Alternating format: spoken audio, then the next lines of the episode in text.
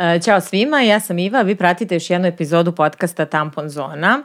I u ovoj epizodi ja nosim odeću iz Ivko Women. Možete da pogledate u prodavnicama njihovu novu prolećnu kolekciju. Uh, A, ove, ja za svaku epizodu kažem da je specijalna, ali ova mi je stvarno specijalna, stvarno, stvarno, stvarno. A, zato što je tu žena koju, ja mislim od kad postoji tampon zona, želim da dovedem u podcast i želim da se upoznam s njom i da se zagrlim s njom i da pričam sa njom. A, danas je sa mnom tu zombijana.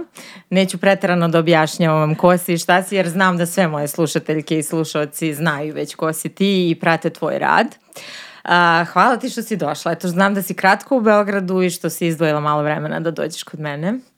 Hvala tebi što si me zvala i što smo se dogovarale jedno tri godine. Od prilike, da. Da, ali dobro, evo me, stigla Uspela sam. smo.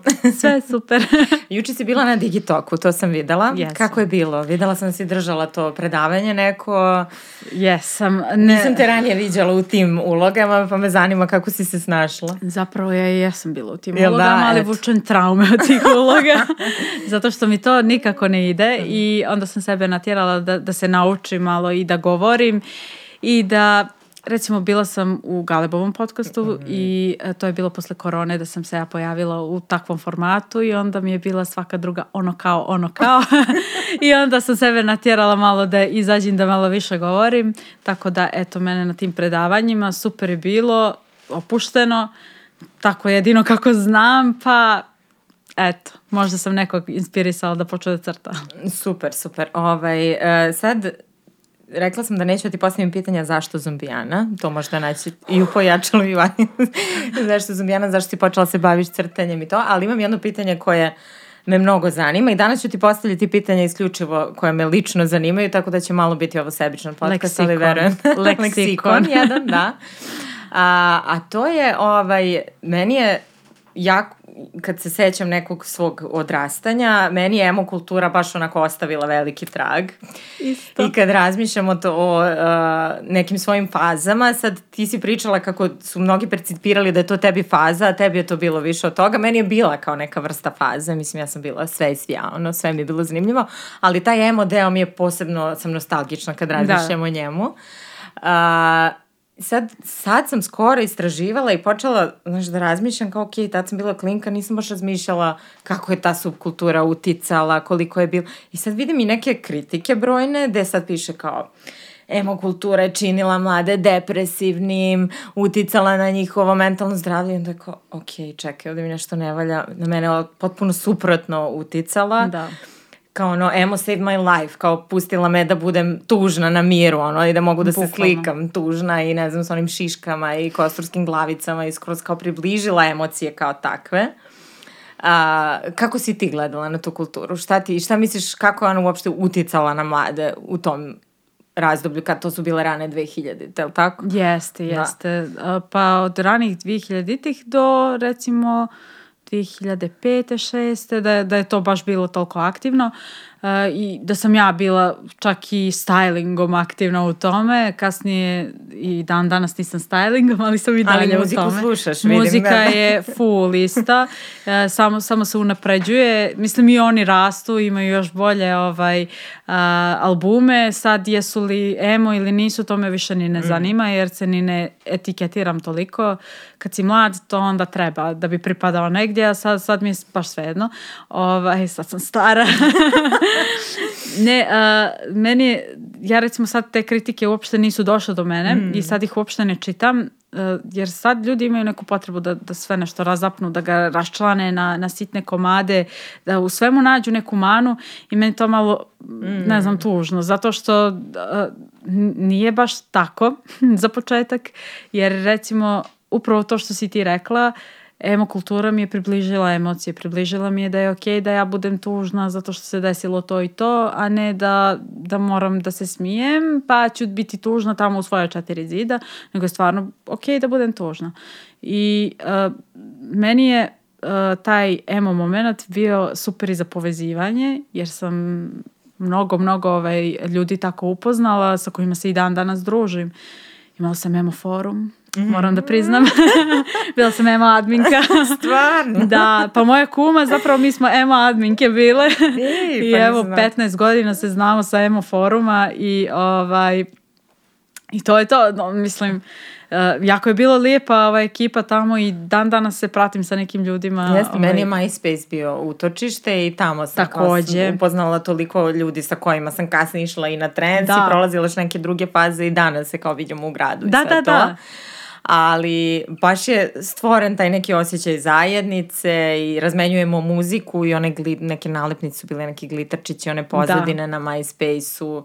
Sećam se da je meni taj grafički isto moment tad bio jako u- važan. Znači, da. bili smo svi web dizajneri, Da, da, svi smo Kao dizajnirali. šta ću sad da izaberem. Pa ovo. staviš ono tonu gifova i kad uđeš, nije ti dobro, ali, ali super. je. Svaki nedelje menjaš pesmu, ono, No, i to je obavezno. bilo, da. Ako ne i svaki dan. da, da, da. Mislim da je to i dečacima, znaš, kad razmišljam, dosta značilo, jer je na neki način uticalo da i oni mogu da razgovaraju o svojim emocijama Naravno. i malo smanjivalo možda taj toksični maskulinitet ili šta već, jer bilo je mislim, sad kad gledam, čitala sam kao viš- više žena slušalo sve te bendove i ne znam ja šta. Naravno, ali bendovi su bili muški. Jesu, da. Tako da, da. ima, ima toga, ali isto i do osobe. Jer, mislim, dosta tih bendova kasnije znalo je da bude problematično. Mhm. Mislim i muških i ženskih. Znalo je da bude problematično, ali dosta njih i nije, evo dan danas, znači Fall Out Boy. Uh, njihov zadnji album, evo sad sam baš pre neki dan postavila i na story. Yes, videla sam kod tebe, bila sam u fazonu, nisam ih slušala baš dugo, malo nisam Znaš znala da kakav poslednji album. album, bukvalno su porasli i, i tako nekako rasli su sa godinama, su se mijenjali, sad više to nije oni eksperimentišu, rade šta hoće i to mi je prelijepo. Uh, dok imam All Time Low koji ja volim najviše na svijetu, sa kojim sam odrasla i bila sam im na koncertu ove godine, jedva čekala. Pa oni su malo i ostali u, u tim nekim godinama koje su bile malo malo ranije i, i osjeti se to kroz njihovu muziku i teme koje obrađuju i slično. Malo sam ih prerasla, ali i dalje sam tu i čekam ih da porastu. Da, meni je baš bilo kad sam čitala sad te tekstove, uopšte nisam tako doživljavala, znaš, kao ti bendovi čine da se ljudi osjećaju depresivno, a uopšte nije bilo to, meni je bilo lepo da sam kao, ili kad sam tužna ili kad sam srećna slušam kao te bendove, uopšte sad ne možeš da se, tebe. da, da, da, da, da, da. vrišta umjesto tebe i to je to. I mislim, ja ne znam šta je, šta je problem u tužnoj pjesmi. Pošto i tužna pjesma mora da postoji, a ne samo srećna. Pa ja mislim da bi tugu kao osjećanje baš trebalo malo da promovišemo više, zato Pa ja obožavam. Lanu Del Rey. Gospođetina.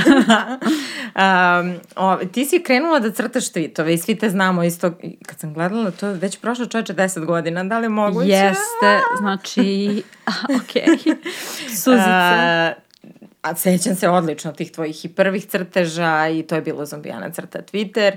A, kako si rešila, zanima me sad ta transformacija i trenutak u kom si rešila da više ne crtaš tuđe misli i nešto što je neko drugi napisao, nego da ti kreneš da kreiraš tekstiće, reči i da zapravo ilustruješ ne samo nešto što se tebi dešava, nego nešto što prepoznaješ kao neke situacije.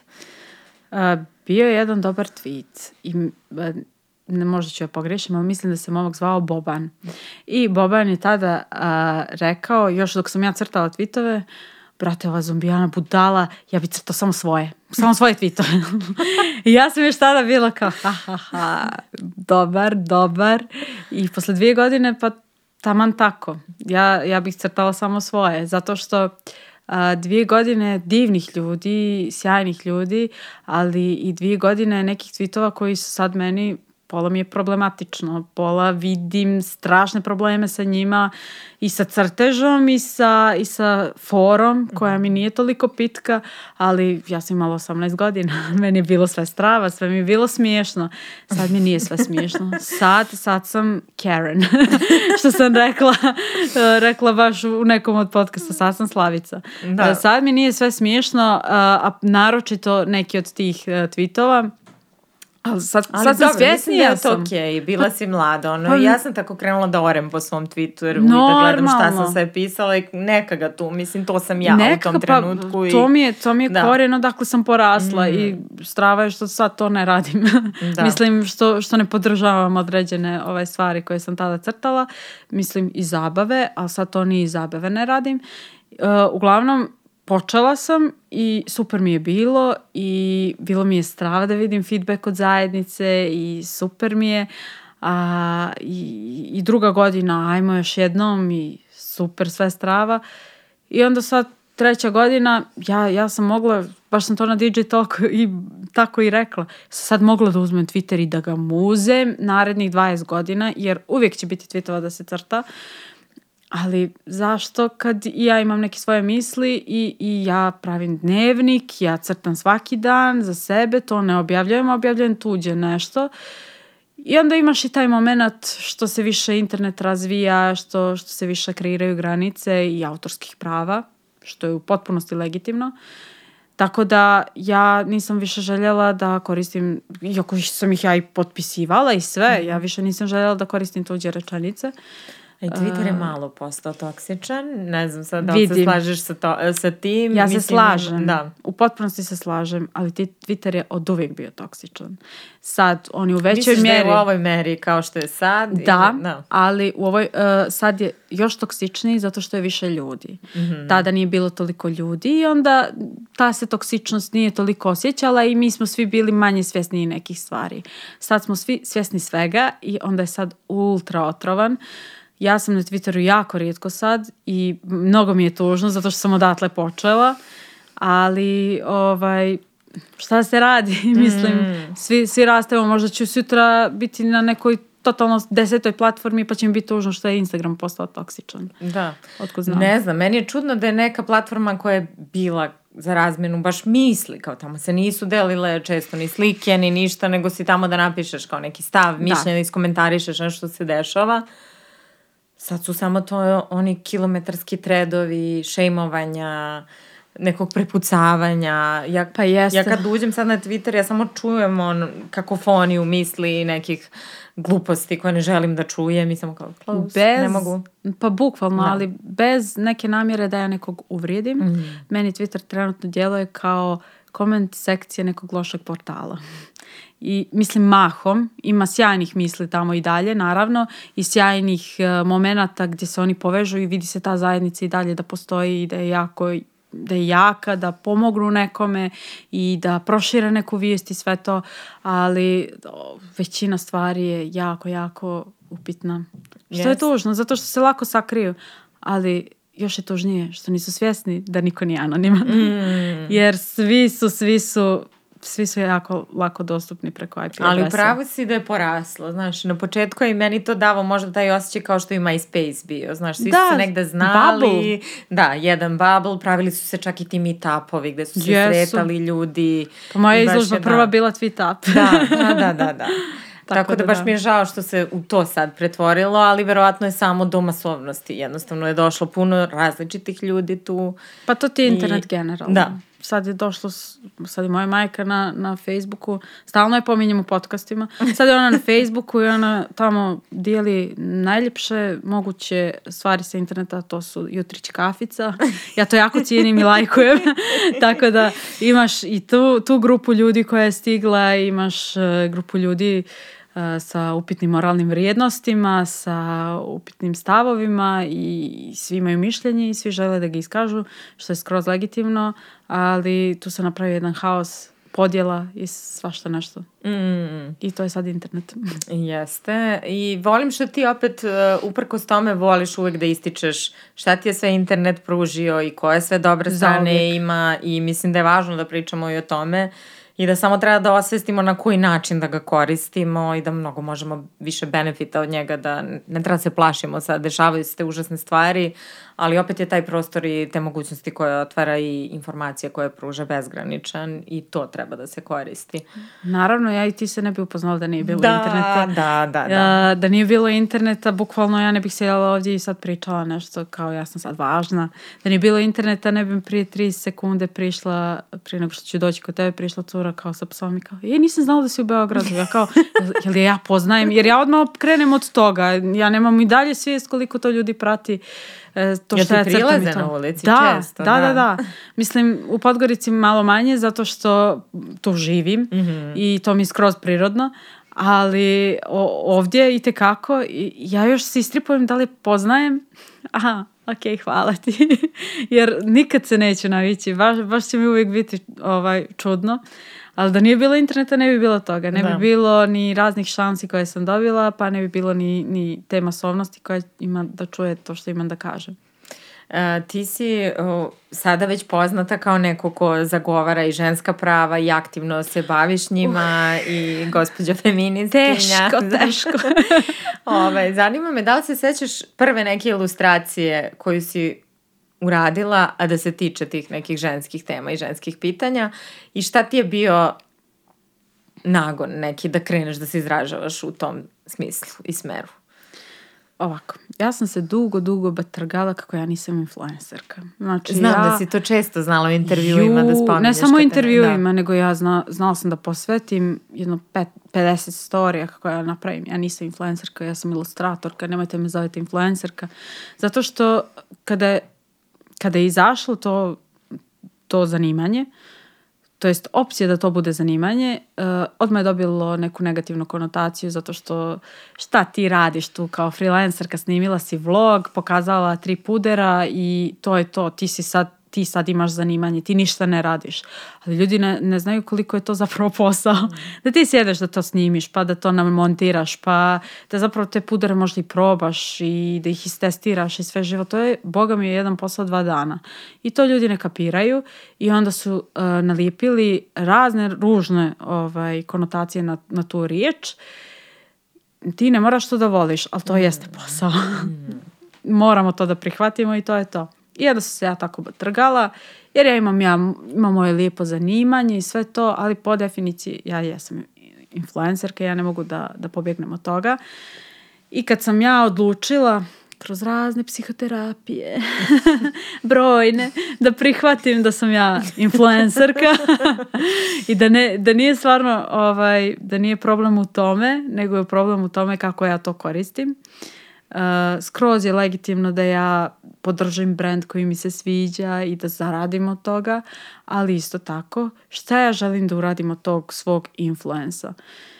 I onda su se počele dešavati uh, stvari oko mene na koje ja ranije nisam reagovala jer nisam imala dovoljno znanja o tome, nisam bila dovoljno upućena, nisam bila dovoljno informisana, ali sa prvim femicidom o kom sam ja bila dovoljno informisana i dovoljno da me potrese, ja sam počela da crtam o tome. Počela sam da, da crtam uh, o svojim uh, neprijatnim iskustvima gdje mi se komentariše kratka suknja ili šta god na ulici. Uh, počela sam da crtam o tome i vidjela sam da postoji interesovanje kod ljudi da, da to stvarno nije ok, da, da smo u 21. vijeku i da i dalje brinemo o tim stvarima. Tako da ne znam koja je tačno ilustracija, ali znam da je trebalo dosta vremena da se dođe do toga, jer ja sam od uvijek, eh, od uvijek sam ja feministkinja na, na neki način, ali ja sam bila ona osoba eh, koja kaže nisam, eh, nisam ja feministkinja, ali mislim sve, sve, sve što jeste feminizam, ali nisam ja feministkinja, zato što i to imalo ružnu konotaciju, ima i danas. I ja sam se tako branila od toga, tako sam se ograničavala. Nisam ja feministkinja. Sad znam da jesam i ja smatram da je svako ko zagovara ljudska prava isto uh, zagovara i feminizam. Zato što je feminizam bukvalno ništa osim ljudska prava. Da, ne može jedno bez drugog. Ja se nadam da sad, svaki put kad izgovorimo tu reč naglas, da nekako pravimo je PR i da pokazujemo šta Nije ona ružna jeste. riječ. Da, Nije da. ružna riječ. Da, ljudi se baš ograđuju, mislim, žene često, a vidiš im po stavovima da je to to zapravo. Samo se Jeste. traže otklon od te jedne reči. Da, ja u potpunosti podržavam da neko ne želi da se etiketira. Etiketira, da. U potpunosti. Uh, I ja sama se više ne etiketiram za mnogo, mnogo stvari, zato što su mi izgubile smisao, jer ne, da ih ne nabrajam sad, nije ni važno. Ali ne etiketiram se više. I kad kažem da sam feministkinja, tu je već, postoji neka doza odgovornosti da, da ja stanem iza svog stava, a iskreno i da prekratim put. Uh, ukoliko ću ja sa nekim da se prepirem o nekim jako, jako bazičnim stvarima, meni je lakše da kažem da sam feministkinja i da završim ja tu priču odmah tu. Jer kad kažem to, odmah će znati šta ja mislim i ćao. A bukvalno mi samo sad služi da prekratim put, ali u potpunosti ja podržavam da se neko ne etiketira, mm. sve dok ima jako jasne stavove. Da, ok, da, da iskažeš stav, mada da. opet nije ružna reč i nema potrebe nije da uopšte. Da. nije uopšte, evo. Da. Um, jedno od tih priča vezana za ženska iskustva i uopšte za uh, meni se jako sviđa što nekad ni sama ne znam šta mislim o svom telu i šta tačno razmišljam, onda vidim neku tvoju ilustraciju i tvoju rečenicu i kao, oh, wow, ovo još neko osjeća i mogu da zamislim koliko je takvih žena.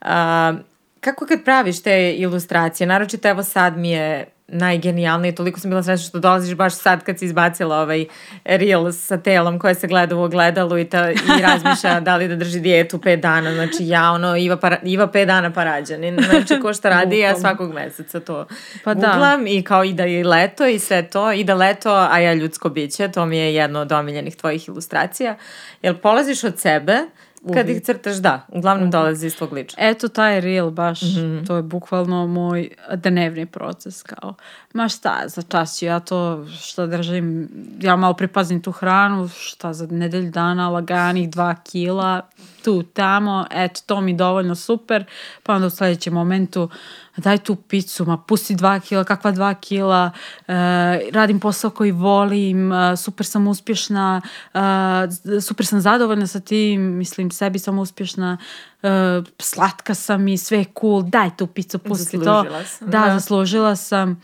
Pa onda u sledećem momentu, ma šta pričaš, zaslužila si, maršno trčanje. Pa onda opet, mislim, to su, to su krugovi koji ima dosta, dosta nas, koji su nam usađeni Da, to samo koliko nas je se identifikovalo, mislim, govori i broj pregleda tog videa, videla si sama i reakcije da. i koliko je, koliko zapravo smo ono robkinje istih obrazaca. Da, istog paterna. Da, Ove, ovaj, sad uh, dolaziš iz Crne Gore, živiš da. tamo, uh, koliko se menja sad situacija sa uh, vladavinom patrijarhata i mislim svi znamo da je u Crn, mislim i ovde u Crnoj Gori je možda uh, malo vidljive jer je manja kao površina, pa ti češće da, možda nailaziš da. na neke situacije, ali mislim potpuno je identično. Uh, koliko su tamo, ja se sećam, sad poslednji put sam bila kad sam snimala u Neželjenu dokumentarac, mm -hmm. I rekla sam ti malo pre da mi je Podgorica divan grad, ali mi je isto tako bilo neverovatno kao da sam u nekoj skrivenoj kameri na koliko sam um, punktovana ilazila na seksizam i diskriminaciju. Bukvalno od taksiste do recepcije u hotelu uvek je neka masna šala, mm. pesma koja ide nešto, rađaj sinove. Znači, bukvalno je bilo kao skrivena kamera. Kao došla sam da snimam film o ovome i kao zaređale su se takve situacije. Da. Uh, koliko, je, koliko je dalje Jel se nešto pomera? Kako ti se čini? Naravno da se pomjera. I te kako se pomjera. Uh, ja sam prema Crnoj Gori u svojoj prošlosti bila prekritična mm -hmm. i mhm. jako ljuta i jer bio je period kad sam ja morala da se udaljim odatle i da, se, da ne gledam toliko tamo u to odakle sam ja i baš sam bila ljuta i nije mi se sviđala okolina i bila sam bijesna stvarno. A onda sam se ja tamo vratila, jer tamo ima lijepa planina i lijepo more. Prelepo, a, predivne. Najljepše, zemlje, stvarno. stvarno najljepše. Nije što je moja, ali slatka i mala. Ova, i, I ja sam se tamo vratila i opet sam ja imala period adaptacije, uh, ali je totalno bilo drugačije nego što je bilo kad sam ja bila tinejdžer. I sad je totalno drugačije ne, nego kad sam se ja vraćala. Ja sam se vratila prije sad već šest godina. Mislim da si ti tada bila zadnji mm. put, jer je tada bio taj dokumentarac, mm. ja mislim. Ovaj, potpuno je drugačije, potpuno je sve drugačije, znači imamo hipstere, yes. uh, da, ja sam I to... lezbike, skoro mi je neka drugarica rekla. I znaš ti da sam ja prva autovana lezbika u Podgorici? Sad ih ima pet. e, uh, sad imamo sve. Da. Uh, brzo, nadam se, i klub društvenih igara. Namignuću svima. ovaj, napreduje grad, mm. što je prirodno. Napreduje i država, što je takođe prirodno, ima više sadržaja, ima ra, uh, rađaju se različita mišljenja Pa onda sad došla ova nova generacija, oni sad imaju pristup internetu, mi mm. nismo imali od uvijek i onda oni imaju neke nove ideje, tako da ima svašta, svašta nešto pozitivno i novo. Isto tako je i za, uh, za, za ovo o čemu pričamo, mm. ne mogu da nađe dobro reći. Postoji i ovaj ženski centar tamo koji baš super Jeste. radi, Maju Rejčević sam imala prilike da upozna. Da, sigurno ženska kuća, ja sa da, njima da. radim jako, jako ovaj, dugo i uh, ovaj, uh, postoji, postoji mnogo stvari koja je podrška ženama tamo, postojim i ja, što bi rekao Sergej Četković, ali uh, napreduje i napreduje sporo, zato što smo mala sredina, ali ne mogu da kažem da, da se ništa nije promijenilo i da da apsolutno ništa se zaovijek ne mijenja, nije tako, mm. je, jer ako, ako ću ja to posmatrati na taj način, onda se nikad ništa neće ni, ni promijeniti. Neće, da. Jer uh, ranije sam to posmatrala kao e, e, ajde treba ovo se promijeni, ajde ko će? Pa jel moram sve ja? Jel mora sve nešto ja kao da, da, da započinjem? Ali sad ne gledam tako, sad ja vidim kako se svašta nešto dešava oko mene i ja mogu da, da djelujem u mo, mojim nekim okvirima Meni i to je to, to, baš sam htjela da kažem kako mi je to baš divno kod tebe i ja se trudim isto da to sprovodim, koliko je važno da svako od nas sad pravite mikropromene u svom okruženju i da kreneš Upravo. odatle. Mislim, kod tebe nisu mikro, nadam se svesna koliko utičeš na Ja ljude. se nadam, nisam svjesna, ali postoje mikropromjene, mm. a to je kad ja odlučim da ne uzmem prezime, pa mi majka kaže kao, ajde, a nemoj, pa možda zbog djece. kao, majko, dobro, ajde ti, ja sam pričala sa mojim partnerom i evo ja ću tebi da objasnim jer si mi majka, nikom drugom neću da objašnjam zašto ne. I ja se udam, završim to, prođe mjesec dana i on kaže kao, pa dobro, vidi, da, sam, da se ja sad udajem, možda bi dodala. A, rekao, gospođo, izvinite, nisam vas prepoznao. Tako da, e, kad vidim kod svoje majke koja ima 50 plus godina, kad vidim kod nje te promjene u razmišljanju, jer to je osoba koja su dala sa 20 godina, kad vidim te uh, promjene, meni to dovoljno. Neka počne tu, jer to je žena koja, koja me rodila i kad ona mijenja svoje mišljenje, super pa ćemo ovaj, i ovim djevojčicama mi lako da objasnimo neke da. stvari jer one će i brže da ukapiraju jer nisu već stvorile neke obrazce i paterne po kojima djeluju. Jeste, ali mislim da je to je teško, divno kad da. vidiš da si i što je tvoja mama dopustila da upije neko znanje od tebe i kad vidim te žene, da. isto i moja mama, isto znaš, mnogo Obožavam volim kad mi to. prizna i kad kao razgovaramo kao nekim stvarima pa upravo, koje nismo... spremna je na dijalog da. i to mi je sjajno i spremna je da promijeni mišljenje. Nije bilo uvijek tako, znači za tetovaže, jao, u nesvijest pada i dalje, ali ovako za neke Mislim stvari... da moja mama misli da moja tetovaža i žvaki i dalje, ono deset godina kasnije, znaš, kao proba da A neće, jel? Aj dobro, sljedeći put. Ne, ja ih, ja ih imam skoro 20 i onda sad se već oprostila od žvake, toga. Da. ja baš volim žvake. Sad se već oprostila od toga i, i to njoj i dalje nije okej okay, i zauvijek neće biti okej. Okay. Ali, ali opet lijepo je kao, ja, pa lijepo to cvijeće, bolje cvijeće nego, ne znam, tetovirala sam mačku kao kakva mačka, daj cvijeće. Znaš, mame vole cvijeće. I čekaj, sad, sad si me podsjetila na onu tvoju priču s prezimenom koju moramo da spomenemo. uh. Možemo da ispričamo, eto, ko nije pogledao, mislim ti si imala reakciju na to. Znači Naravno. ti nisi, ti si zadržala svoje prezime, svoje prezime, tako? da. Ali su ti u dokumentima... Uh, pa to se, pa evo, možete inače to pročitati na svim ovaj, portalima. Pa svi portali. da, pa baš sam to juče pominjala prošla Golgotu. I onda Nemoj me da pitaju drugari nisam kao, to ispratila, pitaju me drugari kad stižeš ono, na kafu, evo prolazim Golgotu, pa ću stići. Žena koja nije promenila prezime, šta, šta su mediji radili? Razlačili su te nešto? Pa nisu, oni su me podržali, Aha. kao objasnili su kako funkcioniše sistem, Mm. gdje ti moraš da platiš iako su oni napravili grešku. A oni su samo prenijeli moju priču, ali komentari su bili šokantni. Mm. Mislim, mene nisu dotakli ni 5%, jer nisu došli od moje zajednice, nisu došli od ljudi koje, koji meni znače i onda to što će neki anonimus e, stariji čovjek reći da muž treba da me prevaspita, da ja nisam vaspitana, da ja nisam normalna. Čak je jedan iskoristio ljepotu poroka kao inspiraciju, pa da me muž povede u brdo, da me udari maljem preko pogače, e, zato što sam neposlušna. E, to, te stvari ja ne razumijem da i dan danas neko sebi do, dopušta, zapravo daje sebi za pravo tako nešto da, da piše, ali opet nevažno. Taj dio sam bukvalno ignorisala kao da se nije ni desio. Ono što je meni važno je uh, da, da sam iznijela tu priču i da se meni javilo bez pretjerivanja 200 žena. Uh, možda sam u drugom podcastu rekla drugi broj, tako da se izvinjavam već, već unaprijed. A, ovaj, stvarno mi se javilo jako, jako puno žena da, da kažu e, uh, nama se to isto desilo, ali mi smo morali da platimo, mi smo rekli, ma, nema veze, jer trebala da, da se plati Moguće, neka suma na tu cifra tipa 400 evra. Meni se desilo tako što sam ja otišla i uh, podigla svoju saobraćenu i na njoj je pisao prezime mog muža.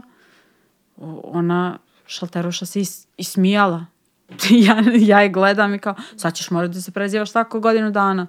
I meni tu, ja nisam imala problem da se ja prezivam kao moj muž godinu dana. Za Boga, volim ga najviše na svijetu.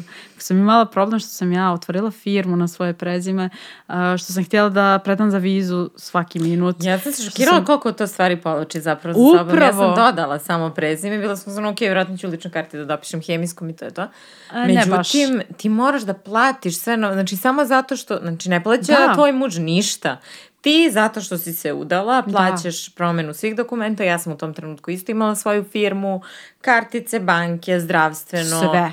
Sve mijenjaš identitet. Da. Znači, potpuno... I ja sam pošla tom logikom, između ostalog, kao, e sad super, neću imati sve to. I onda sam imala druge probleme. nije, mi, nije me ne zakačilo.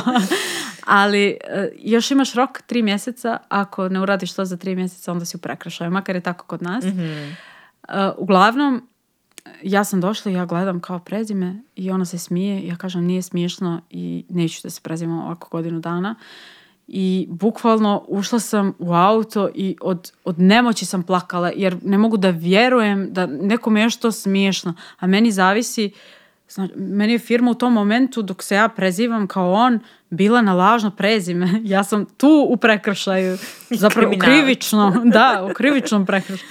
Znači, baš tona stvari se povukla sa tim. I onda sam ja tako otišla, ovaj, žalila se i sve se to onakako završilo kao sutra ćemo, ali nisam htjela da pustim, pisala sam bukvalno milion mailova, e, da ne mogu da vjerujem da smo u 21. vijeku i da i dalje imamo ovakve probleme Ali ove vidiš vrste. da nisi čoveče jedina kad se tebi toliko Ne. žena javilo, to je očigledno praksa koja se dešava. Uh, ja sam napravila post sljedeći dan Mm. u kom sam ja ispričala tu svoju priču i uh, napisala kako je u potpunosti legitimno i okej da žena zadrži svoje prezime, da uzme muževo prezime ili samo da ga doda. Svako od ta tri je skroz legitimna opcija. Ono što je najvažnije je da imaš pravo izbora. Bukvalno osnovno ljudsko pravo, pravo na izbor. I apsolutno ne razumijem uh, kako je nekome olako ta, kako se neko tako olako nasmije tome i kako je to, ma nije to tako strašno. Meni jeste, jer meni nije bilo lako tu odluku da donesem. Koliko god da sam ja s mojim partnerom pričala, ja sam imala sto nekih uh, Jeste, dilema. dileme, isto, ja, isto, isto. da. Nekako, pa ja se tako prezivam cijeli život, ali i volim i tebe i ne, imala sam milioni dileme. Meni nije bilo lako da donesem tu odluku. I kad, kad sam ja donijela, matičarka je donijela odluku za mene. I to nije u, u redu. I kada sam, naravno meni u susret izašao i uh, kabinet gradonačelnika i uh, sekretarijat i to se sve završilo brzo I ja sam rekla super, hvala vam, ali samo ukoliko ćete ovo da uradite za svaku ženu sledeću koja dođe. Jer džaba ste vi to uradili za mene koja ima 250.000 followera, mislim, ok, super, ali ako ćete svakoj sledećoj ženi da kažete dobro, sad moraš da platiš 400 eura, to nije ok. Jer i one su imale pravo na izbor mm. i, i njima je isto matičarka odlučila da treba drugačije se prezivaju. Ja sam imala neku cool matičarku i na svadbi je pitala mog muža, a vi? E, kao to šta strava. ćete to? I onda su svi koji su bili na svadbi kao bili u fazonu, čekali su da vide šta će Dušan da kaže u fazonu. Nije ga vata izmanipulisala da uzme njeno prezime. Ja, ta luda feministkinja. ali je bila neka stvarno u redu, ali opet, znaš, kao dodala sam prezime i mislila sam da to sad ide automatski, da se meni dodaje, da neću morati da izdvojim da. bilo koju sumu novca zbog toga, da ja sad Ne, poplaćam zopet. svoj novi identitet. Ma šta Da. pričaš?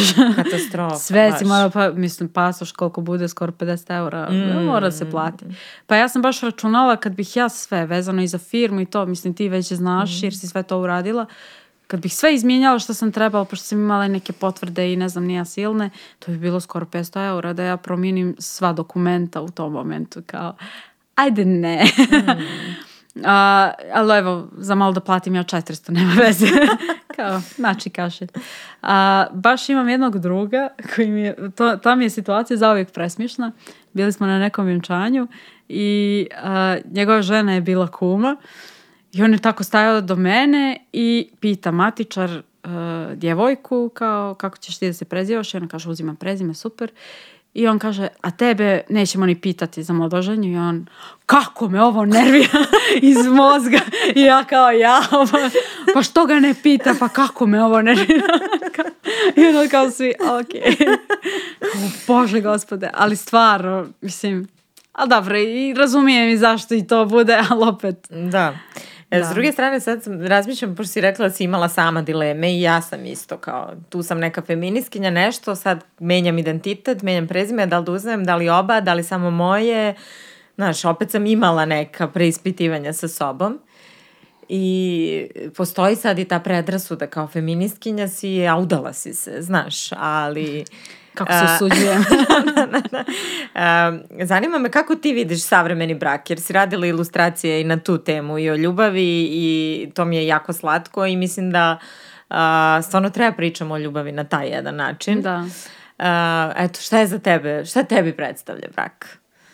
To je A feministkinja si. To je ugovor.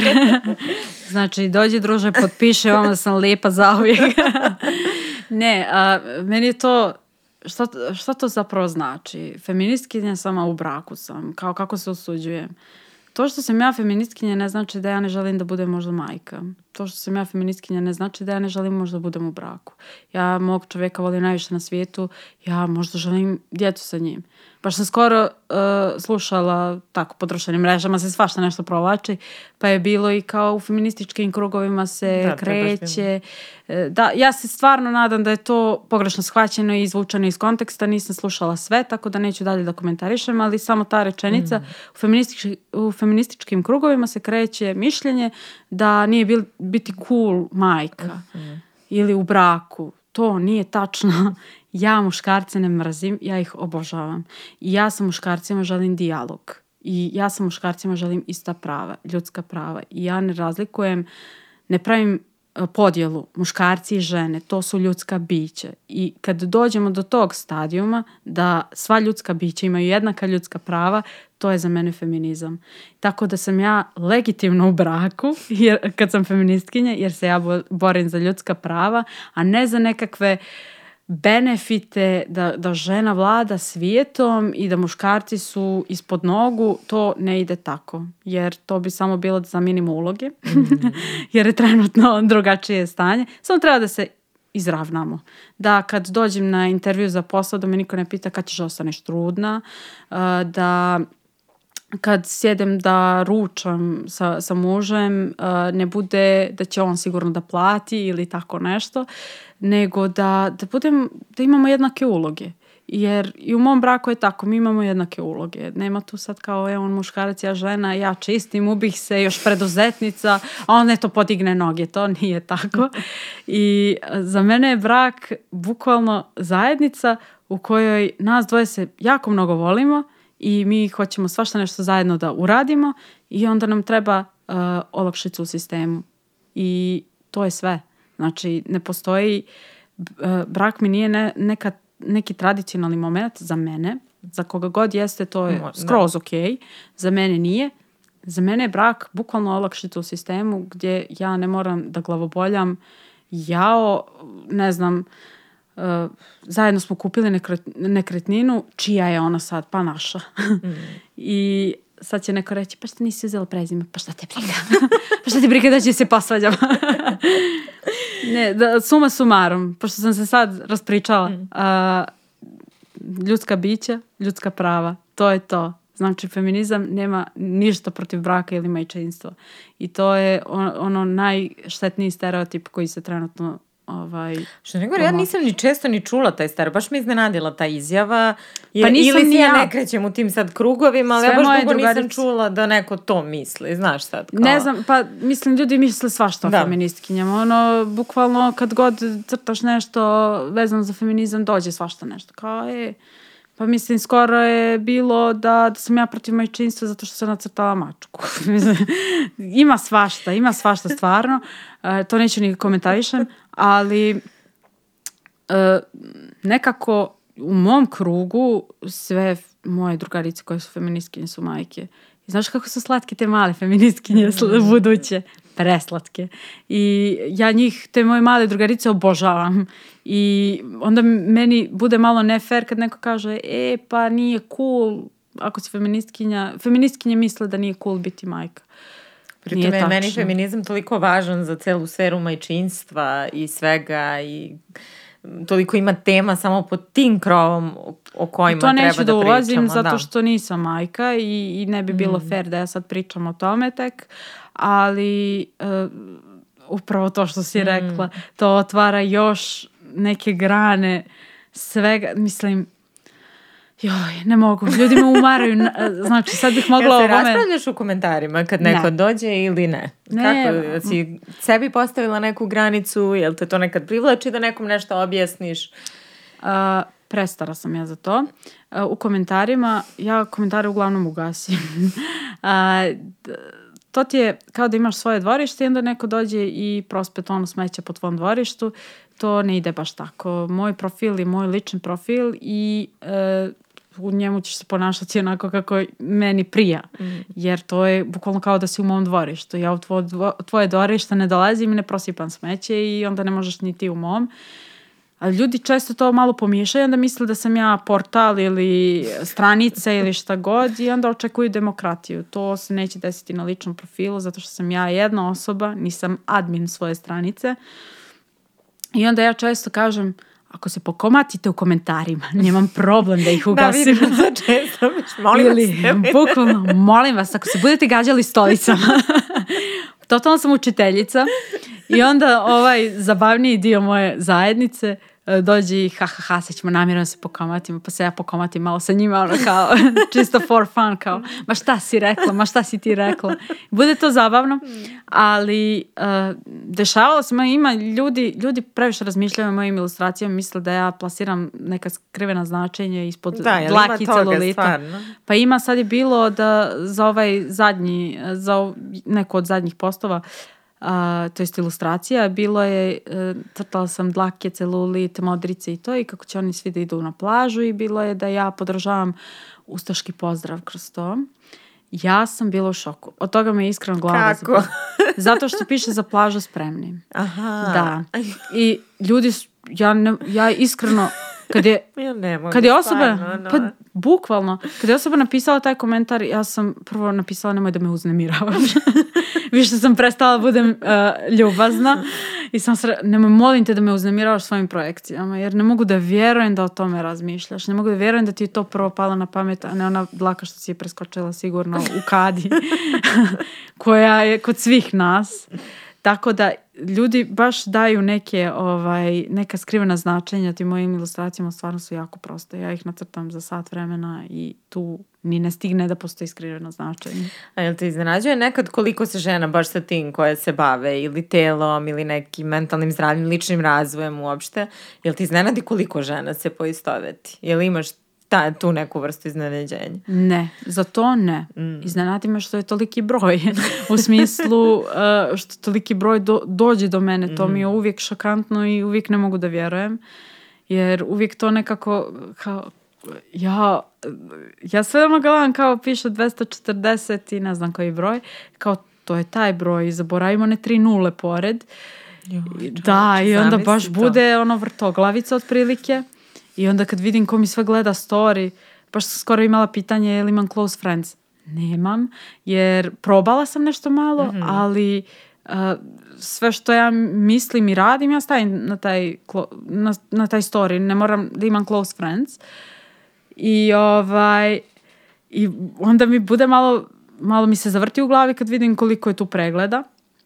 Ali ovaj, kad dođe do toga da se one poistovete sa tim što imaju recimo začarani krug u, to, u tome da li im smeta šlauf oko struka koji ja imam vječito i zauvijek yeah. da li im to smeta ili ne smeta i ono da imaju tu vječnu borbu u sebi a, to me ne čudi zato što smo mi bukvalno od kako smo rođene smo na dijeti faktički i svima nam je to nekako usađeno uh, i evo recimo danas kad ljudi okrive Instagram za to, to nije baš samo Instagram krivica jer mene su za stomak hvatale i babe i tetke i gledala sam ja u tom kosmopolitanu svašta nešto tako da nije to toliko nezastupljeno uh, odavno, to je baš mm. zastupljeno odavno od kako je svijete i vijeka zapravo mm. na razne načine Instagram ok, samo je se promijenila forma tome Tako da ne, ne začudi me kad se po, poistovete sa tim. Zapravo sam i očekivala, mm. ali taj broj, zna, ono, da, vrtoglavica da, wow. da me uhvati, da.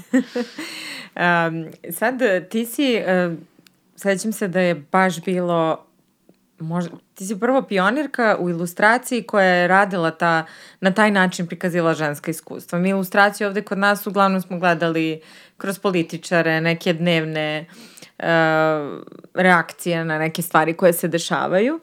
Ali, uh, sad možeš da crveniš slobodno, ali mislim da si najzaslužnija što je stvarno uh, ilustracija postala ovde u regionu zapravo stvarno jedno uh, jako oružje za žensku emancipaciju i progovaranje o nekim ženskim uh, problemima, slobodama, nepravdama i tako dalje.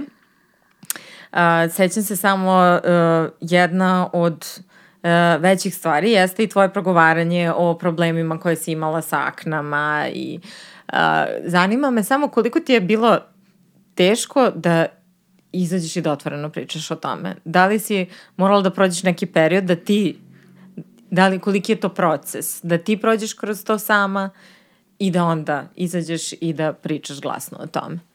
Mislim, to je jako važno, znaš, da se priča jer sad uh, imaš toliki pritisak kao da moraš odmah da progovoriš o nečemu što ti se dešava ili ne znam ja šta sve, a mislim da je jako važno da pričamo o tom procesu koji treba da prođe pre nego što nešto izađe iz tebe. Bukvalno, dajte ljudima pet minuta da razmisle prije nego što nešto kažu, zato što uh, sad kad se dese neke aktualne teme, svi se začude ako ne reagujem na njih. Ja nisam informisana dovoljno o nekim temama i neke teme mi nisu dovoljno srodne da bih ja reagovala na njih. Ne toliko i da mi nisu srodne, ali ne možemo svi sve. I to mislim da je skroz prihvatljivo. Plus nismo svi na istom, u istom mentalnom raspoloženju, emotivnom raspoloženju da odreagujemo, na, da, da, da napravimo neki dobar, dobar komentar na to ili aktivaciju šta god. Tako da mislim da to hitno mora da se prihvati da taj proces postoji jer ja sam sedam godina imala akne i sedam godina sam imala baš ozbiljan oblik gdje sam ja imala žive rane po, po licu.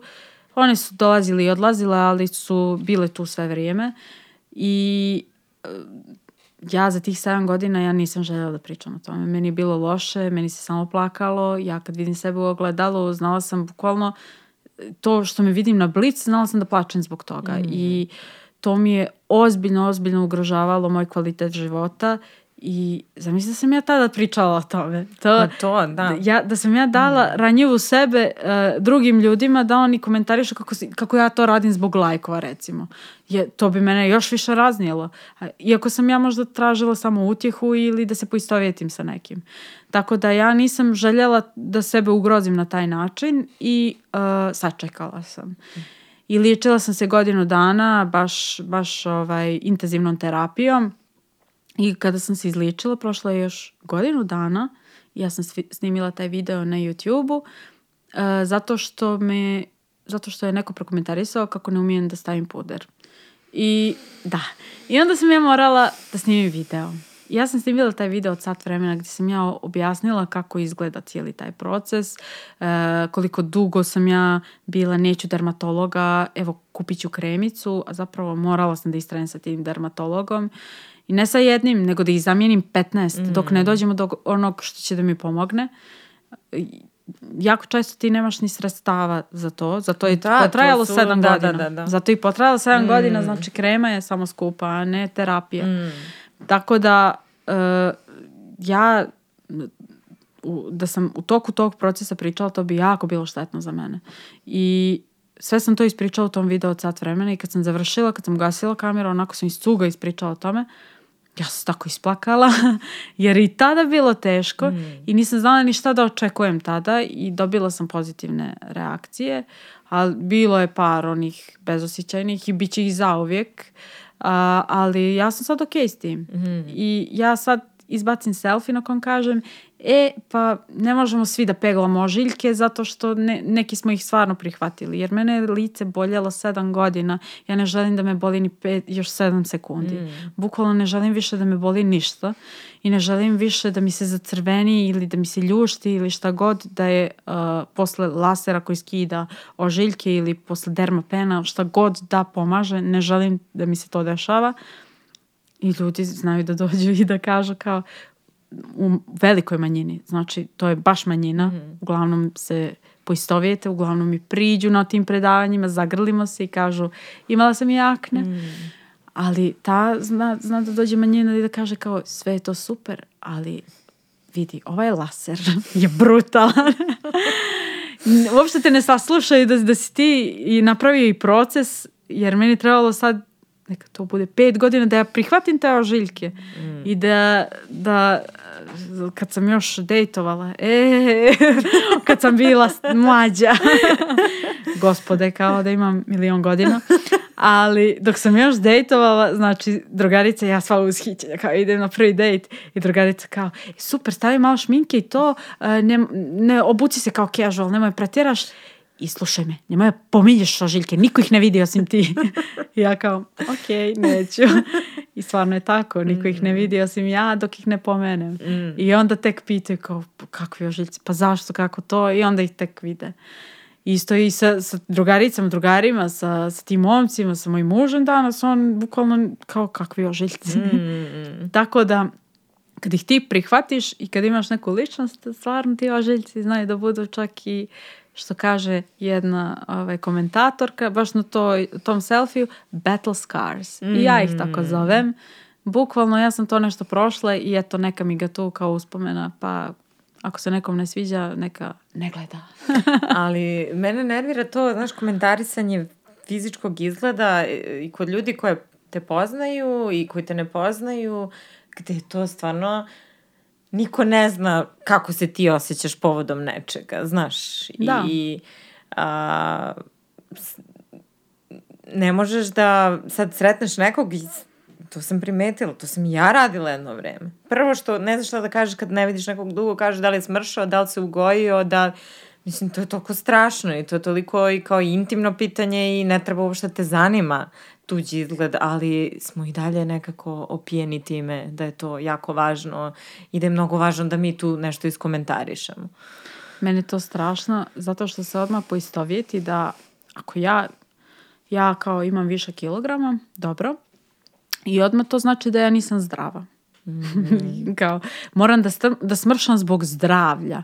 Ali ja vadila nalaze, meni oni super. Ja se osjećam ok, dobro, ono, aj, potrčat ću malo više, jer stvarno, Čuj, 30.000 koraka u njemu. pusti, pusti, pusti, zaboravi, zaboravi. Jela sam dovoljno.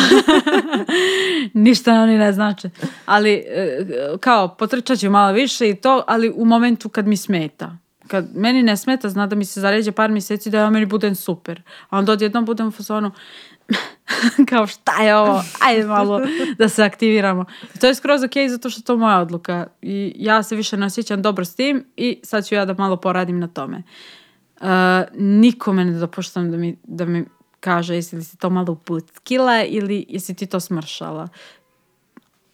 Mislim da su obe Molim. krajnosti, mislim... Bukvalno, ba- pogotovo, e, pogotovo kad, kad, recimo, ja sam bila gojazno dijete i onda ja e, sam imala period kad je bila mala matura, kad sam ja morala da smršam hitno, mislim hello, da se lijepo obučem, jel? I ja nešto baš naglo smršam, ono kad si dijete i to i možeš i da ti da nemaš nikakve posljedice nego Da, bukvalno bukvalno jedan dan kao šargarepu jedeš samo od sutradan pet otprilike kila manje. bukvalno i potrčeš malo ono sa drugarima za loptom i to je to. I tada su bili komentari da li sam bolesna. A sad su komentari aj da smršam zbog zdravlja da budem bolesna. Znači ne, totalno je neki krug gdje ne postoji savršeno i svakome je savršeno nešto drugo i ja više ne, ne obaziram se na to. Ako neko iz mo- moje okoline prokomentariše jesam li se udebljala ili ugojila ili smršala ja ću, ja ću jako lagano da im odgovorim kroz šalu da to ne treba da pitaju. A na internetu mi se to ne dešava zato što ljudi znaju da sam naporna i onda me izbjegavaju. Feministkinje na čelu i to je to. Da, meni često priče, skoro mi je neko isto rekao kao, e, baš si smršala u licu. Ja rekao, šta to znači? Izvini, izvini, znaš šta je najjače? Ja treba da smršam u stopalu. Zato što mi je cura rekla da sam odlipila moje nove patike od mjesec dana zato što mi je debelo stopalo. Ali nije ga ni vidjela, nego kroz patiku zna da je debelo stopalo. Neko na internetu to poslala, ja se šokirala i onda se ismijala i morala sam, sad, sad mi stopalo diže tegove. Tako da, nadam se uskoro da će da bude ono hourglass figure. Ovaj, još jedna tema koja e, sačuvala sam, zapisala sam tvoje omiljene objave, ali nećemo ih preći do večeras, ali jedna od svakako omiljenih i gde sam se ja onako dosta pronašla jeste a, post gde si pisala o tome, o, o svom iskustvu kada si sama išla na koncert. I to je meni bilo, jer sam shvatila koliko je meni zna, bilo oslobađajuće kad sam shvatila da na određene stvari mogu da idem sama. Ja sam sad rasla u manjem gradu gde je stvarno čovek koji sedi sam bilo gde je lud, razumeš, kao nema prijatelje, nešto mu prolazi kroz nešto, nije baš sasvim okej. Tako da je to potpuno otpadalo kao opcija da ja sad odem sama, kao što danas volim da odem sama, kao da pijem kafu, da nešto piskaram ili šta već. I uh, mislim da i dalje vlada ta stigma, naročito kad smo kao i mi žene u pitanju odlazak na koncerte, na putovanja uh, i tako dalje. Uh, koliko je tebi to promenilo kvalitet života? Pa maksimalno, baš maksimalno. Ja sam svoje rane 20. provela tako što sam bila sama. Tako što sam išla na posao i sa posla išla kući. uh, mahom jela, zato što nisam imala društvo i gledala serije i zaspala, pa onda opet otišla na posao i e, kući, jela, gledala serije, spavala i tako u krug. I e, zato uvijek kažem, kao ja u Beogradu nisam, kad, dok sam živjela ovdje, nisam e, živjela, nego se preživljavala, jer nisam imala društvo osim kolega i nisam mogla ni da ga steknem zato što sam imala akne, nisam, bila, nisam imala samopouzdanja, e, nisam izlazila nigdje zato što nisam imala s kim i tako ti se napravi taj krug da ti jednostavno ostaneš sam. Pa sam onda gledala skoro jedan TikTok koji e, sad mi je smiješan, ali totalno mogu s osobom da se poistovjetim. Ti momak piše kao kad si predugo sam uh, u toku dana i onda zaboraviš da li znaš da govoriš i onda kao on reže nešto ti kaže odjednom a, a. Kunem ti se radila sam to. Kuneti se radila sam to kao da, da čujem svoj glas. Sad, sad ja to sve kroz osmih pričam, ali to, Ali to su... znam. To, to su ozbiljne stvari koje, koje, koje bukvalno slijede do tog momenta da gdje dolazi band koji ja mogu da propustim, da ga više nikad ne čujem, iako sam ga čula dvije godine kasnije i to u društvu. Ali dolazi, ja sam se preselila u veći grad, da imam više prilike da čujem te neke bendove i da, da jednostavno mi to bude dostupno. I kao neću to da propustim. Idem sama, nema veze, ja na vratima da idem tamo, ja plačem, nije mi dobro, ja dođem tamo, tamo su sve grupice, ja stojim sama, meni se i tu plače, ja odslušam taj band, meni bude savršeno, ja idem sama kući, ja srećna. Ne moram nikog da čekam, sve mi super. I onda sam tako počela da putujem samo zbog posla. Uh, to je već druga priča, zato što tu možeš budeš i bezbjedna i to ono neke stvari koje, koje povlaču putovanje. Uh, mislim i koncert isto, da se, da se Jest. ne zezamo s tim. Ali uh, nekako je, mnogo je bezazlenije sjesti na kafu i danas mi se čini da je to mnogo prihvaćenije nego što je bilo ranije. Ali od putovanja tu, tu je malo... Mene nervira kod putovanja, na primjer, što sve sa turističke agencije ti nigde nemaš Ne, ne postoji kao šansa. opcije za jednu osobu. Ne, ne, ne. Znam, kad sam jednom razmišljala kao nešto i počela da gledam i ti moraš da platiš sobu kao da ideš sa još jednom Tako osobom. Uopšte ne postoji kao, nemoguće je da jedna osoba sad sama, malte ne, ne možeš sam da kupiš ono sedište jednu u avionu. Da. Jer su sve te ture za 2 plus. E, ali low cost? I booking, i vjeruj mi, Da. booking ima, ima ovaj program za jednu osobu i to je meni super, ali tu postoji mnogo više logistike da, da ti ostaneš bezbjedan, baš sam o tome i skoro pisala, zato što nekako ljudi brzo zaborave pa onda šeruju tako ka, super, a, super uh, ovaj pointi u gradu gdje ti možeš da se slikaš odlično, a to kako ti da ostaneš bezbjedan i da li postoje džajparoši u tom momentu, pošto je tu, obično su ti, ovaj, ti te lokalne, ovaj, ta mjesta gdje, gdje su super fotke, obično su pretrpana ljudima i nisu baš tako kao na slici. Tu možda budu i džeparoši, možda bude nesigurno noću ili ne znam ni ja. I to nekako svi preskoče na Instagramu da ispričaju. I tako kad sam malo više o tome počela da pričam, vidim da, da dosta ljudi ima i neka svoja iskustva. Ja ne kažem da, da je sve to stoprocentno tako i tačno, ali je nešto što treba da se uzme u obzir, naročito ako putuješ sam. I koje su, koje su mjere uh, zaštite, čisto putuješ sam, ono sama, nebitno, moraš da se zaštitiš. Mm, Jeste, jeste. To je definitivno jedna tema i mislim da, pf, nemam pojma, gledala sam da postoje neke uh, mape sad, na primjer ako govorimo o LGBT populaciji i oni su na primjer napravili neku mapu sad To je sjajno. LGBT friendly mesta ili ne znam i da je super da se i takve stvari, znaš, To je sjajno. Da, da. Ne mogu ni da zamislim kako je njima. Oni, njima baš treba, a, pogotovo ako putuju i ako im je ovaj ako je mm, novo je sve i jako, jako je ovaj a, pogodno da imaš tako nešto. Mm, Bukvalno ne mogu da zamislim koliko je tu tek komplikacija, Koliko je tako to, da, da, da, da. Jer, ono, žensko sam i mogu da izmislim da me, ono, me muž tamo čeka, Mm. a ovdje je malo drugačije, tako da ne mogu ni da zamislim koliko je tu tek logistike i Da. što je tužno. I to sve me iznova i iznova nervira i, i rastužuje da, da moramo o tome samo da razmišljamo. A, ti si, koliko si već dugo preduzetnica sad? Kad si... Godinu dana će Godinu biti, dana. da. Baš ono officially preduzetnica, do tada sam bila ovaj, zaposlena full time, freelancer, šta god.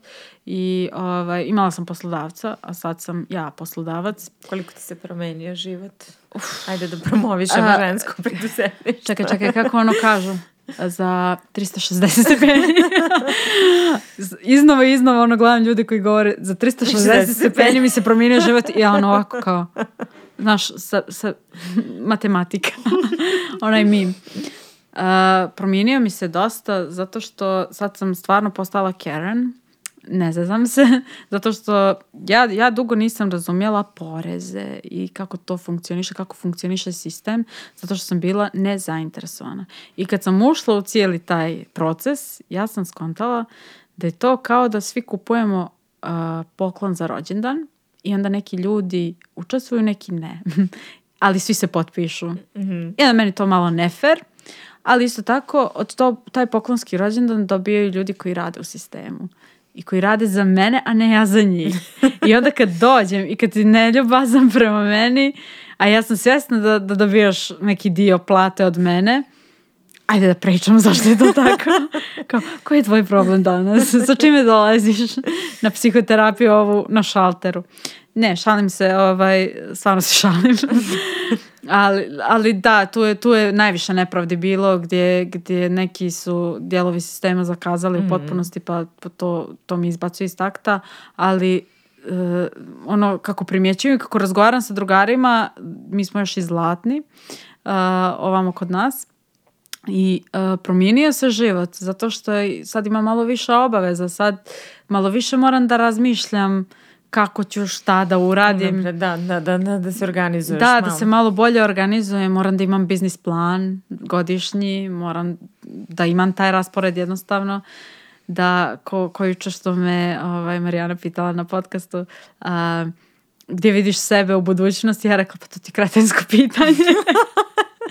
Ali meni to stvarno užasno pitanje kad neko postavi na... Mrzim i na razgovorima za posao. kad E, na razgovor, pa to, ono, to na to baš, sam ono- mislila, na to sam mislila, ona mi nije dova- dala da završim i onda je tako smiješno ispalo katastrofa gdje sam uvrijedila djevojku na osnovu toga. Evo, možemo da se... Izvinjavam se, znači evo na podcastu kod Ive ja se tebi izvinjavam.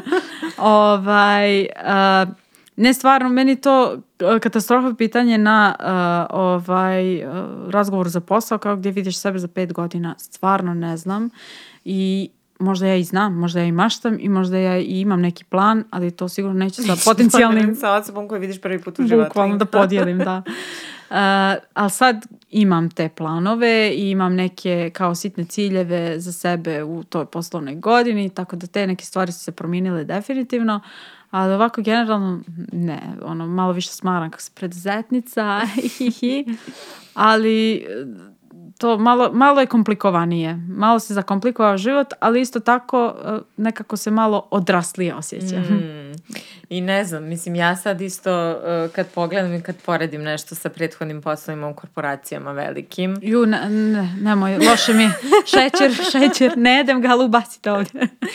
baš ne mogu ponovo da se zamislim u tim nekim sistemima, kad, iako ovo možda oduzima više sati na nekom dnevnom nivou. Neka i oduzima. Ne, ali, da, Neka ali oduzima. super, ovo što si rekla, ja, na primjer, isto mi je to sve bilo nepoznato, samo treba malo da se, osjećala sam se kao ono, Znaš, neka baba koja neće nauči kako se pali novi televizor Da. i neće da gleda televiziju jer ga nije kao naučila, Da. onda i ja tako, ja ne mogu te poreze čuda, ali kao malo se upustiš, Malo se naučiš samo i- to, da. praksaš se, informišeš se malo i samo skontaš koliko si važan u zajednici zapravo i nekako ti bude i lijepo što doprinosiš, Mm. iako na kraju si bijesan, nije to tako potrošeno kako treba, i- ali nekako se osjetiš kao da sad imaš mnogo više nekog udjela u svem, u cijeloj našoj zajednici. Tako da taj dio je stvarno meni lijep, ali evo, ako neko, neka žena želi da postane preduzetnica, joj, imat će da uči i da praksa i da plače, boga mi, jer nije ništa naučila. Tako da nije to toliko strašno, a, više te ljudi nekako zaplaše time, kao, ja, vidjet ćeš ti što te čeka, teže je zatvoriti firmu nego otvoriti bukvalno. Onda je bilo kao, ja, kol- koliki su troškovi da ti firmu otvoriš i tamo mi lupe cijenu. Ja dođem i ono, bukvalno prođem minimalno i kao, jesam li ja otvorila firmu? I dalje ne kapiram kao, jesam li ja otvorila firmu? Je li to taj proces? Jeste, pa kao. Ali za svakog izgleda drugačije. Znači, ti si sad vlasnica studio Drača, možemo da kažemo da, mislim, prate već ljudi sigurno. ovaj, koliko su uh, ti preko Patreona sad, uh, jel tako, imaš različite pakete podrške i tako, koliko su ljo- ljudi ovde u, regioni, u regionu za tako nešto raspoloženi? Kako ti se čini? Ja, pa ne bi vjerovala. Jel da? Jer ni ja ne vjerujem. Mm. Sjajno je. Ovaj, ljudi jesu, osvijestili su se Mhm. I uh, čak ja imam ljude koji, ne znam, budu u klubu za dnevnik, imam osjećaj da ga ni ne zalijepe, nego mi je samo drago da budu tu i da podrže, mm. što je meni nevjerovatno. Pa to zapravo sam htjela da te pitam koliko njih kao želi da podrži. Da, ima ih dosta, da, stvarno. Su. Mislim, uh, ne mogu da kažem tačan broj, jer se to stalno mijenja i to je skroz prirodno. Mm. I ovaj, iz mjeseca u mjesec se mijenja, jer ja mijenjam uh, teme za mjesec. Mm i a, ti klubovi ovaj, su isti, ali tema uvijek različita i to je nešto što sam provalila da mi radi. A, međutim, to je testni period za mene, to je nešto gdje ja a, pokušavam sa njima, mi se svi do, mi se dopisujemo non stop, uh, te kakvi su stikeri, te, meni njihov feedback najvažniji, mm. bukvalno i obožavam kad dobijem njihove poruke uh, kako, kako je izgledao taj stiker, pa jesi li probala prospaš vodu po njemu, pa uh, je, kako se sviđa dizajn, nebitno, uh, te za stranice za dnevnik, koja vam stranica sad nova treba i slično, da je docrtamo uh, naredni put, docrtamo, pošto ja imam milijardu ruku, ja i moja radnica. ovaj, Uh, nekako, moj tim i ja. Moj tim i ja, bukvalno. ovaj, predivno je i uh, ima dosta ljudi koji bi željeli, ali nekako im je strano. Strano i zato i mislim da... da si važna jer krčiš neke e, puteve i postavila si dosta ljudi koji se možda razmišlja da pokrene tako nešto, da. mogu da vide kako to i izgleda. Ti si vrlo onako inovativno i originalno to sve postavila. I mislim da takvi primeri sad malo i ljude inspirišu da istraže ja i da, da vide kako da podrže neke male biznise u to različitim sferama. To ja se sferama. nadam, zato što postoji dosta, dosta ljudi koji rade sjajne stvari mm. i kojima treba ono vjetar u leđa.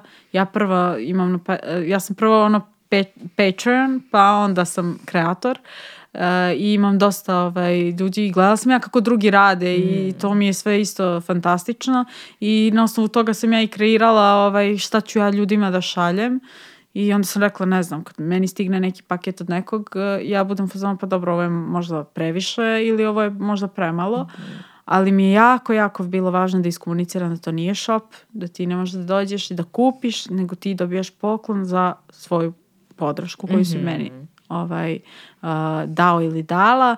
Tako da uh, to mi je bilo najvažnije, da to nije shop, mm -hmm. nego da, da su to mjesečni paketi uh, koji su zapravo poklon, koji su zahvalnica za podršku. Mm. I uh, kroz samu tu donaciju ja koristim taj uh, novac od donacije da ja isprobavam te stikere, te cegere i slično da, i, koje im šaljem na kraju. Mm. Tako da je to mm. samo, samo se rotira i vrti i to je to. Koliko tebi prije da radiš te opipljive stvari, da imaš kao u rukama? svoj uh, dizajn. Samo ću ovako stati, uh, nije mi prijelo. Uh, pa uh, dugo je, dugo je prošlo da se ja uh, vratim tome, jer ja sam zapravo počela sa majicama. Mm. Mislim da se na njih da ću se teško, teško vratiti na njih. Jem što je prezasiđeno tržište. Mm. Ja prva ne bih nosila majicu mm. uh, sa, sa svojom ilustracijom ili tako nešto. Baš ne bih, baš mi je ono, ne mogu više. Ali ovaj, uh, sad mi je zanimljivo, pogotovo stikeri, ja ih obožavam i svuda ih lijepim i koristim ih. Beđevi, uh, cegeri i slično, to mi je sve, sad sve prezanimljivo. Uh, bila je jako velika frustracija, pošto ja sad imam printere i ja to sve sama printam, pa onda imam i kater koji to sve reže, dok ja to nisam ukapirala, došlo mi je da uletim s jakirom u hotelje jednog dana i da sve iscepkam ja. I, I ono i dan danas kad zakažu, pošto te mašine moraju da se održavaju i da imaju svoje dane kad, kad znaju malo sporije da budu. I dan danas sam u fazonu sekira i dalje opcija. Mogu ja ovo da outsourcujem. Tako da ovaj, super mi je to, zanimljivo mi je i čini mi se da je level up ovoga što radim, ali ne bih se ja baš zakucala i ne bih da me povuče hype i da budem mm. u fazonu, e, ajde sad radimo milijardu cegera. Mm -hmm. Nije ni poenta. Mm -hmm. Pošto ima super cegera i kod drugih ilustratorki koje ja pratim, pa ja volim i njihove da pronosam. Mm. nema, nema poente da, da svi nose moj ceger. Videla sam mali Iv danas da je nosila tvoj onaj jeste, super ceger i jeste. to mi je baš divno kad vidim da se... Jeste, pa to, ona ima, da. ja imam njen, ona ima da. moj, ja imam njenu šoljicu, uh, ne znam, ona ima moje stikere i tako to, mislim, sa njom se najviše razmjenjujem, ali i sa ostalim koleginicama, naravno. Super mi je što si to baš formirala u smislu tog nekog membershipa više nego što je shop. Naravno, pa mislim, u nekom momentu ja ću vjerovatno imati shop, ali online malo teže. Mm. Možda neki concept store ili nešto. Mm -hmm. Teško, teško online, jer baš kad bih to formirala, samo bih mogla to da radim. Mm. Isto kao što sam jučer rekla, kad bih ja odgovarala svima na poruke u, u DM-u, da, DM ja bih samo to mogla da radim, zato što to je, to je, za sebe, da. to je toliko konzumira vremena, toliko konzumira uh, energije da ljudi ne shvataju, jer to nije jedna obična poruka, jedna obično pitanje gdje sam kupila patike, to, to je 500 takvih pitanja. Tako da je meni lakše da stavim na story kao, e, ove patike su iz Ali super, ti imaš ono, ama, povremeno ask me anything i ljudi ti šalju pitanje da, da, da. i ti odgovaraš ne, i mislim ja, da je to super format. Ja se dopisujem da, sa da. njima i u komentarima da. i eto sa ljudima na Patronu se dopisujem i ovako zato što mm. ima tu sad i logističkog momenta sa poštom. Mm -hmm. vidim vas, vidim vas, znači samo, samo pazite se. Ovo ću ja posle da cepnem i da ih tagujem. znači, pošta CG, pazite se, pozdrav, ali pazite se. Dobri su, dobri su za sad. Ali rekla sam, kad mi iznerviraju, sad ću da napravim u svesci, da crtam mačku svaki put kad mi iznerviraju, pa da vidimo dokle ćemo. Uh, za kraj bih voljela da spomenemo to o, o izložbama što ja nisam mogla nigde da nađem na internetu, ali izaći će informacije dok izađe da, da, da. isto i ovaj podcast. Ali eto i samo da nam otkriješ, spremaš jednu umetničku turneju, Uh, o čemu se radi. Konačno je to, svi smo, ja mislim, priželjkivali neku informaciju o nekoj izložbi, tako da izvoli. E pa sad ih ima šest. Da. I izložba se zove Revolucija uh, i da mirišem baš lijepo.